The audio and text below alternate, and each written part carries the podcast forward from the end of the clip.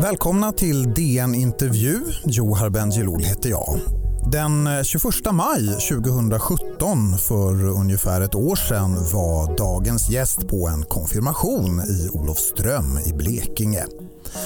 Under den efterföljande lunchen kom ett besked. Någon hade sett på nätet att vår gäst utsätts till kardinal. Den svenske biskopen hade som första svensk utsetts till denna högsta post man kan ha i den katolska kyrkan näst efter påven.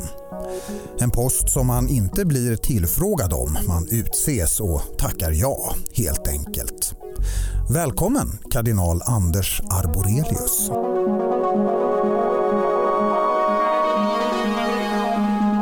Hur minns du det där ögonblicket då du fick veta att du utsätts till kardinal? Det var ju ett ganska överväldigande ögonblick och helt oväntat otänkbart egentligen. Och det dröjde ett litet tag innan jag fattade att det var allvar. Jag trodde först att det var ett litet skämt. Det gjorde du alltså? Vem hade kunnat skämta så grymt? Eh, ja, men folk tycker om att skämta om sånt. När du då insåg att det var allvar så sa du eh, i en eh, väldigt tidig intervju här, jag vet inte om jag är vuxen en så stor uppgift. Nu har det gått eh, snart ett år. Eh, hur har det gått tycker du? Det har varit ett mycket intensivt år, kanske inte så mycket i Rom. Jag har bara varit där några enstaka gånger faktiskt och då lite perifera angelägenheter. Däremot har det väckt ett väldigt intresse i media i Sverige och i andra länder. Eh, jag har blivit inbjuden till en hel del olika ställen i världen som kardinal. Så att det finns ett intresse och en eh, ganska intensiv mediebevakning. Men när det gäller uppgifter i Rom är det ännu ganska tunnsått. Ja, alltså vad är det? Kardinalerna kan ju då kallas till Vatikanen för att ge råd till påven i olika frågor. Har påven efterfrågat dig? Det blir faktiskt nu i september första gången som det blir ett mer eh, ska vi säga, specificerat eh, rådslag och då gäller det det påvliga rådet för främjande av kristen enhet där jag då är utsedd till en av konsultorerna och vi ska då ha ett fyra, fem dagars möte i Rom. Mm. Och då får vi väl också träffa påven vid det sammanhanget.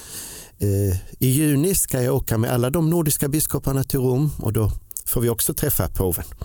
Så nu efter ett år blir det några tillfällen att få mer personlig kontakt med påven. Har du inte hunnit träffa honom än menar du under detta gångna år? Eh, nej, det har jag ju faktiskt inte gjort.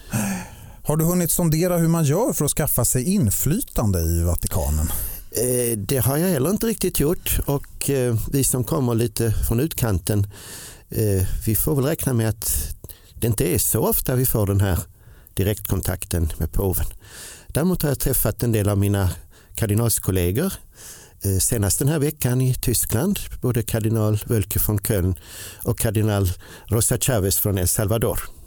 Mm, vad, har du, har du, vad har du lärt dig om Vatikanens inre liv som du inte visste tidigare? Ja, det är väl inte så hemskt mycket mer än att påven nu försöker reformera kurian. Och, kurian är då kan man säga regeringen? I, jo, alltså alla ämbetsverk som då finns i Vatikanen. Eh, han försöker då göra det lite mindre italienskt, kalla in människor från andra delar av världen.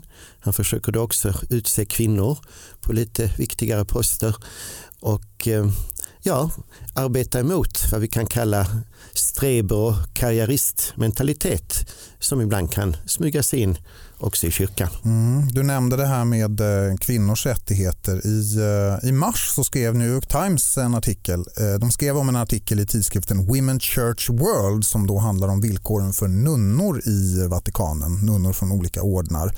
Och det var anonyma vittnesmål om ojämlikhet och obetalt arbete och det var nunnor som förutsätts göra olika ja, hushållsuppgifter, tvätta och städa åt kardinaler och biskopar. Känner du igen den bilden? Det är naturligtvis så att i många sammanhang är eh, ordenssystrar, nunnor då sysselsatta med praktiska arbeten som kan vara väldigt tunga och svåra. Men för vissa ordnar är det också en slags eh, ja, profil att vi vill göra eh, tjänst på olika områden för de fattiga men också i kyrkan.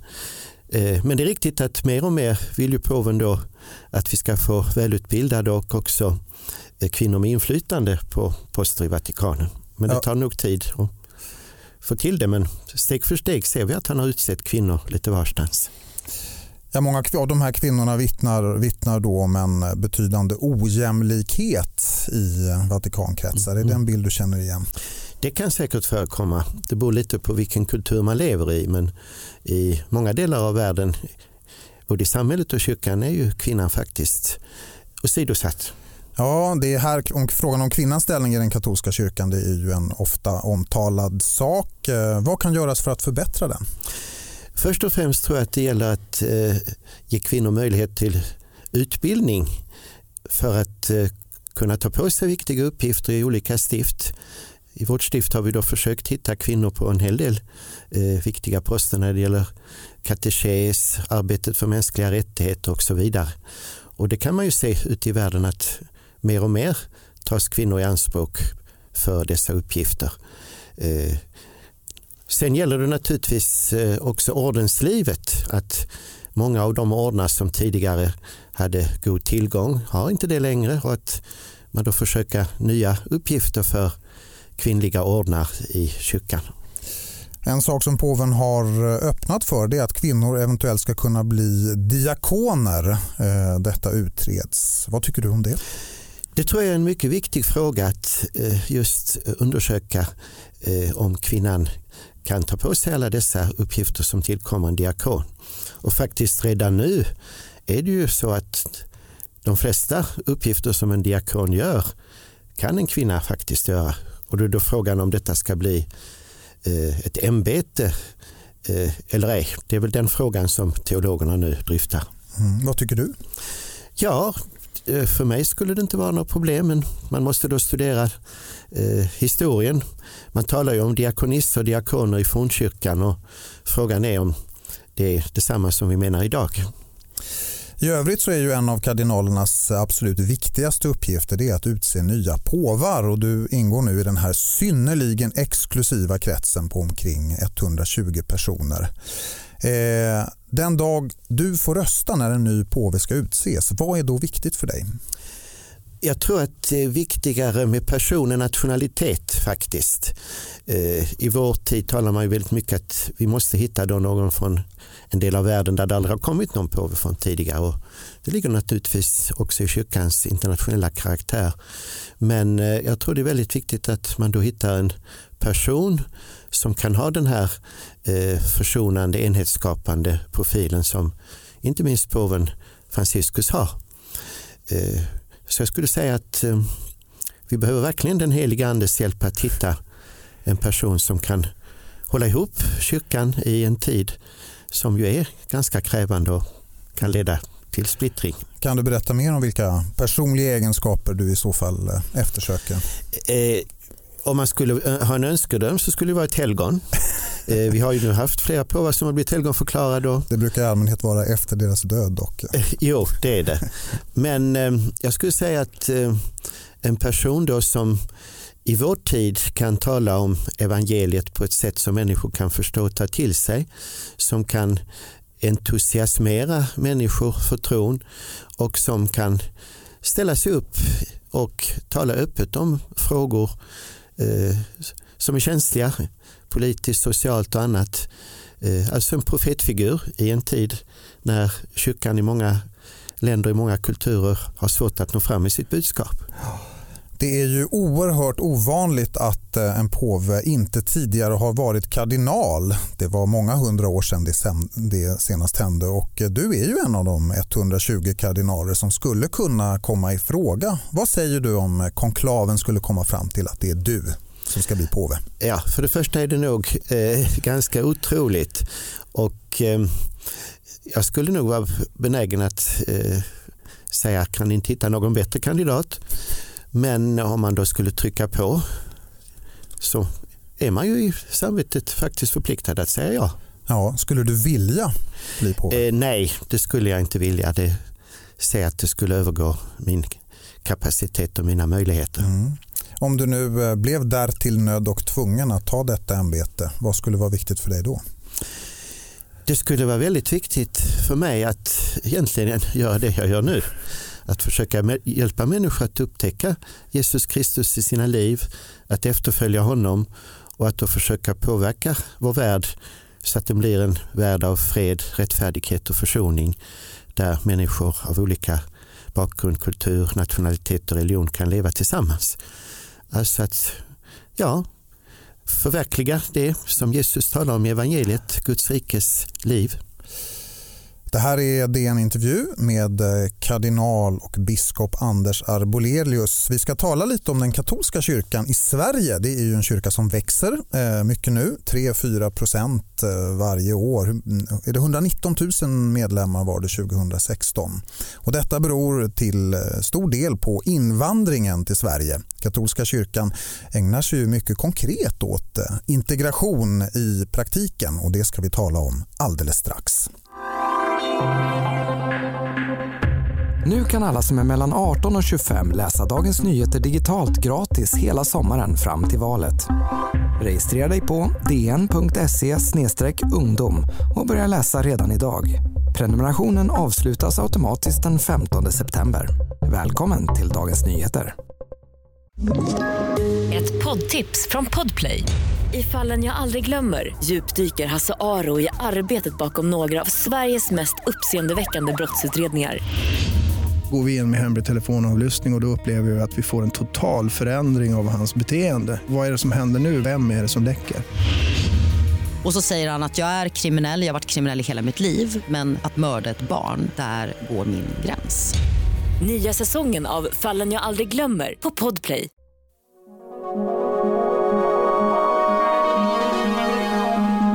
Välkommen tillbaka kardinal tack, tack. Anders Arborelius. Du som ägnat dig åt integration i praktiken då för en ledare för en mångkulturell rörelse som den katolska kyrkan i Sverige ju är. Det här med integration det diskuteras ju på längden och tvären nu i eh, valdebatten. Eh, finns det något perspektiv du skulle vilja tillföra där? Ja, för mig är det så naturligt att leva i en verklighet där människor kommer från hela världen att man inte tänker på det. Och jag tror faktiskt det är kanske det bästa. Talar man väldigt mycket om integration är det ett tecken på att det inte fungerar. Men när man då kan se på människor som människor oavsett var de är hemma och var de kommer ifrån, då brukar det gå av sig självt. Alltså om man mer ser till eh, en människa utifrån hennes verklighet oavsett vad hon har för färg eller social bakgrund eller språk eller nationalitet. Då blir det liksom inga problem. Eh, så att eh, jag brukar säga att våra församlingar fungerar som ett slags integrationsverkstäder just därför att man kanske inte tänker på det. Mm-hmm. Mm. Om man, alltså det här är en fråga som är väldigt het nu. Eh, alltså vad är viktigt om människor som nyligen kommit till Sverige ska kunna bli en del av det svenska samhället? Det är att de då tas emot som eh, personer, att man ser till dem som människor och att de också är beredda att eh, ja, möta Sverige med intresse och entusiasm. Alltså att det blir ett utbyte, en dialog, en relation och att man då inte ser dem som en eh, konturlös massa som man då genom olika åtgärder försöker eh, tvinga in i ett system där de först kanske har svårt att anpassa sig. Alltså det är en stegvis anpassning till en kultur och där måste ju bägge parter vara med på tåget annars går det ju inte. Mm. Och risken är ju med till exempel bostadssegregeringen i Sverige att man då inte möts i vardagslivet så ofta och att det då kan bli ja, svårt att komma varandra närmare. Eh, så jag skulle säga att de här mänskliga mötena är ju ofta avgörande för hur man känner sig välkomnad i det svenska samhället idag. Det finns ju annars en debatt i Sverige och i andra delar av Europa också som går ut på att majoritetskulturen i, i högre grad bör befästa sin överhöghet över utifrån kommande kulturer. Ofta handlar det då om det kristet västerländska som står i kontrast mot influenser från islam och Mellanöstern. Mm. Eh, vad tänker du om den diskussionen? Jag tror att det är lite missvisande att spela ut eh, olika religiösa traditioner mot varandra. I Sverige lever vi i ett mer sekulärt sammanhang och där är det ibland lättare till exempel för kristna och muslimer som har en gudstro att mötas än att då konfronteras med en helt sekulär och ibland antireligiös omgivning. Så att det beror ju hela tiden på att man försöker se att eh, man kan berika varandra oavsett vilken bakgrund man har. Idealet är ju att eh, man har denna öppna hållning Eh, gentemot alla människor, vare sig de är kristna, eh, muslimer, sekulära, att eh, man måste hitta en gemensam plattform. Och det är väl det jag tror är enda lösningen eftersom vi får ett mer och mer mångkulturellt, mångreligiöst samhälle i hela västvärlden. Mm. Vad, har, vad ser du för attityder eh, mot islam omkring dig i Sverige idag? Eh, jag brukar säga att eh, muslimerna får nu erfara det som vi tidigare fick erfara som katoliker i Sverige. Alltså det finns en viss fiendebild. För 50-60 år talade man om den katolska faran, nu är det den muslimska faran. Den är ungefär likadan också med att det är väldigt hög reproduktion, de föder många barn och det är jo, många mönster alltså som Det är ungefär samma sak och man kan le lite då och säga att till muslimska vänner, ja vänta ni, nästa, om något, nästa period kommer det någon annan. Men det tragiska är ju att man ofta vill måla upp en hotbild eller fiendebild. Och det måste man ju till varje pris försöka undvika för att undgå att samhället splittras ytterligare. Och därför tror jag att vi katoliker ibland kan bli en slags bro mellan det svenska samhället för troende muslimer, till exempel Malmö Rosengård har vi en folkhögskola där nästan alla elever är just muslimer. Inte minst muslimska kvinnor som hellre väljer ett eh, kristet katolskt sammanhang än ett sekulärt samhälle för att växa in i Sverige av idag.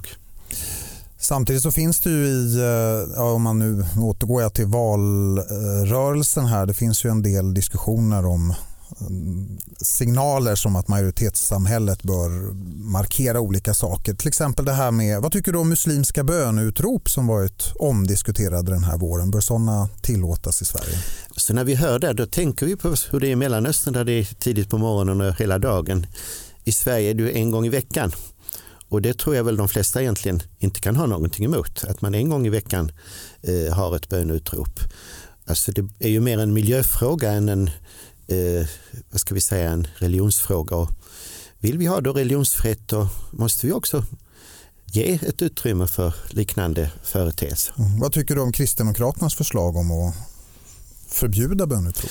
Jag vet inte om det är partiets eh, djupaste övertygelse men eh, jag vet att det finns naturligtvis eh, från en del kristet håll en invändning mot det här. Det är ju partiledningens eh, övertygelse under alla omständigheter. Ja, jo men det verkar ju inte riktigt genomtänkt. Om man vill betona religionsfriheten måste man också kunna kosta på sig vissa medgivanden. Mm. Vi har ett annat exempel när det handlar om eh, majoritets, att befästa en majoritetskultur. I Bayern i Tyskland så nu från den 1 juni så måste det finnas väl synliga kors i entrén till alla delstatliga myndighetsbyggnader som ett sätt att återspegla Bayerns kulturella identitet och kristet västerländska inflytande som delstatsregeringen uttryckte. Eh, vad tycker du om det beslutet? Ja, alltså det är ju en viss fara att man ser det som ett kulturellt fenomen Eh, i då motsats till andra kulturer. Att ha krucifix i eh, södra Europa har ju en eh, historisk kristen anknytning och det kan man i och för sig inte ha något emot som kristen. Och I Tyskland tänker man naturligtvis hela tiden på Hitler som tog bort korsen. Och därför är det speciellt vad ska vi säga, laddat i Tyskland.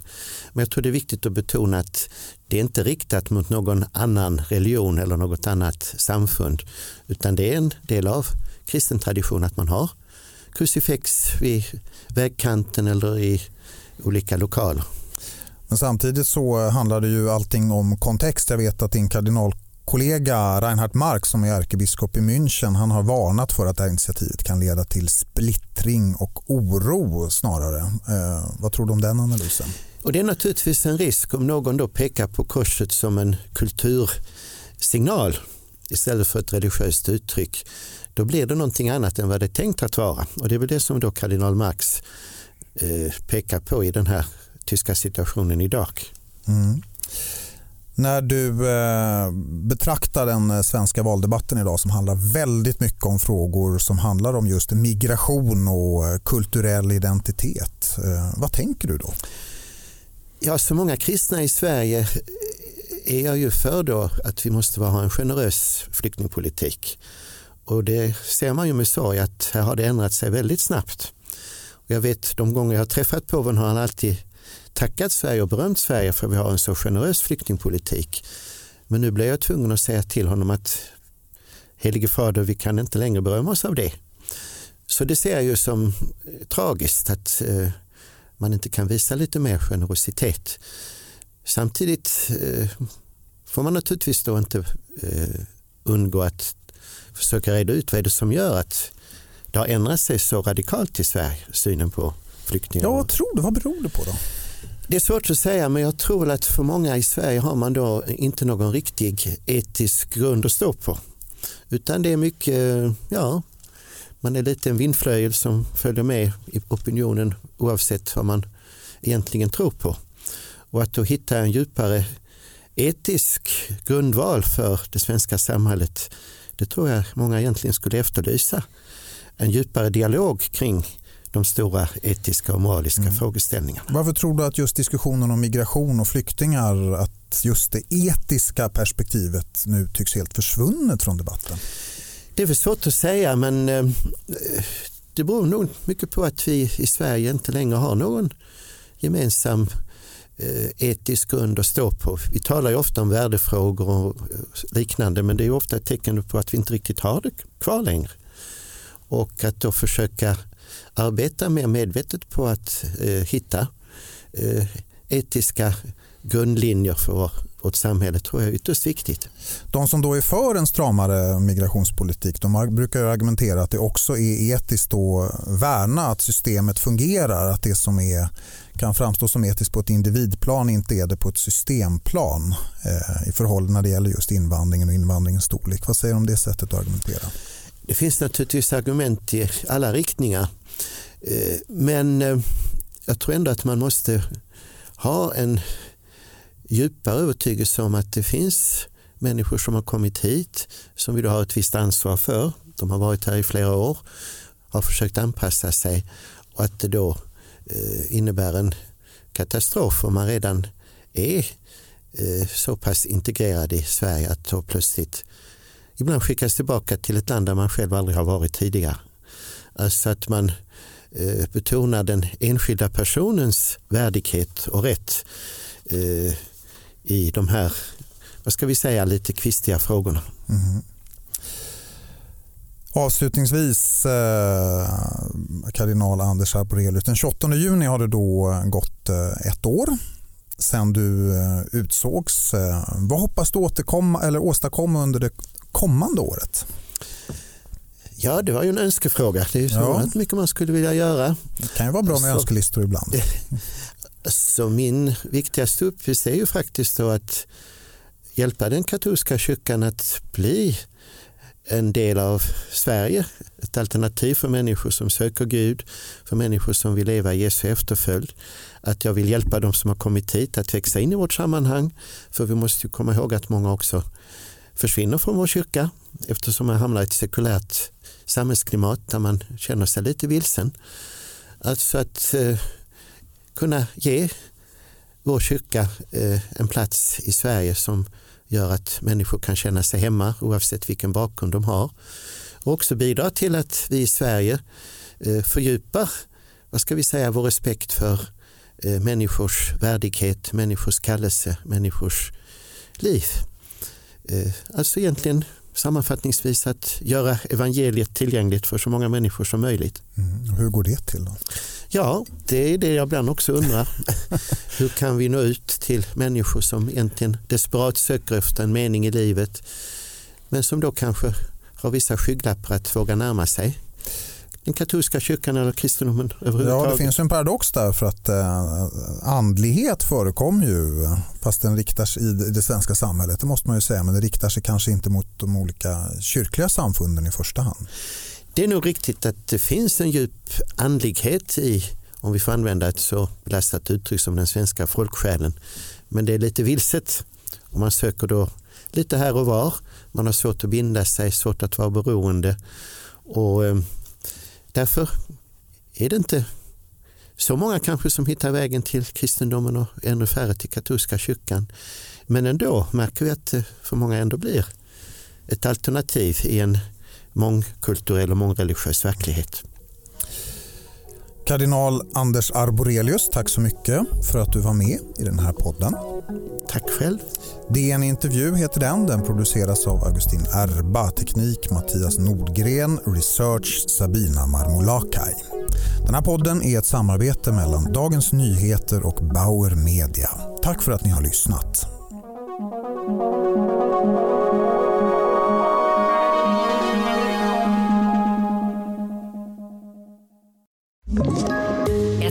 Poddtips från Podplay. I fallen jag aldrig glömmer djupdyker Hasse Aro i arbetet bakom några av Sveriges mest uppseendeväckande brottsutredningar. Går vi in med hemlig telefonavlyssning och, och då upplever vi att vi får en total förändring av hans beteende. Vad är det som händer nu? Vem är det som läcker? Och så säger han att jag är kriminell, jag har varit kriminell i hela mitt liv men att mörda ett barn, där går min gräns. Nya säsongen av Fallen jag aldrig glömmer på Podplay.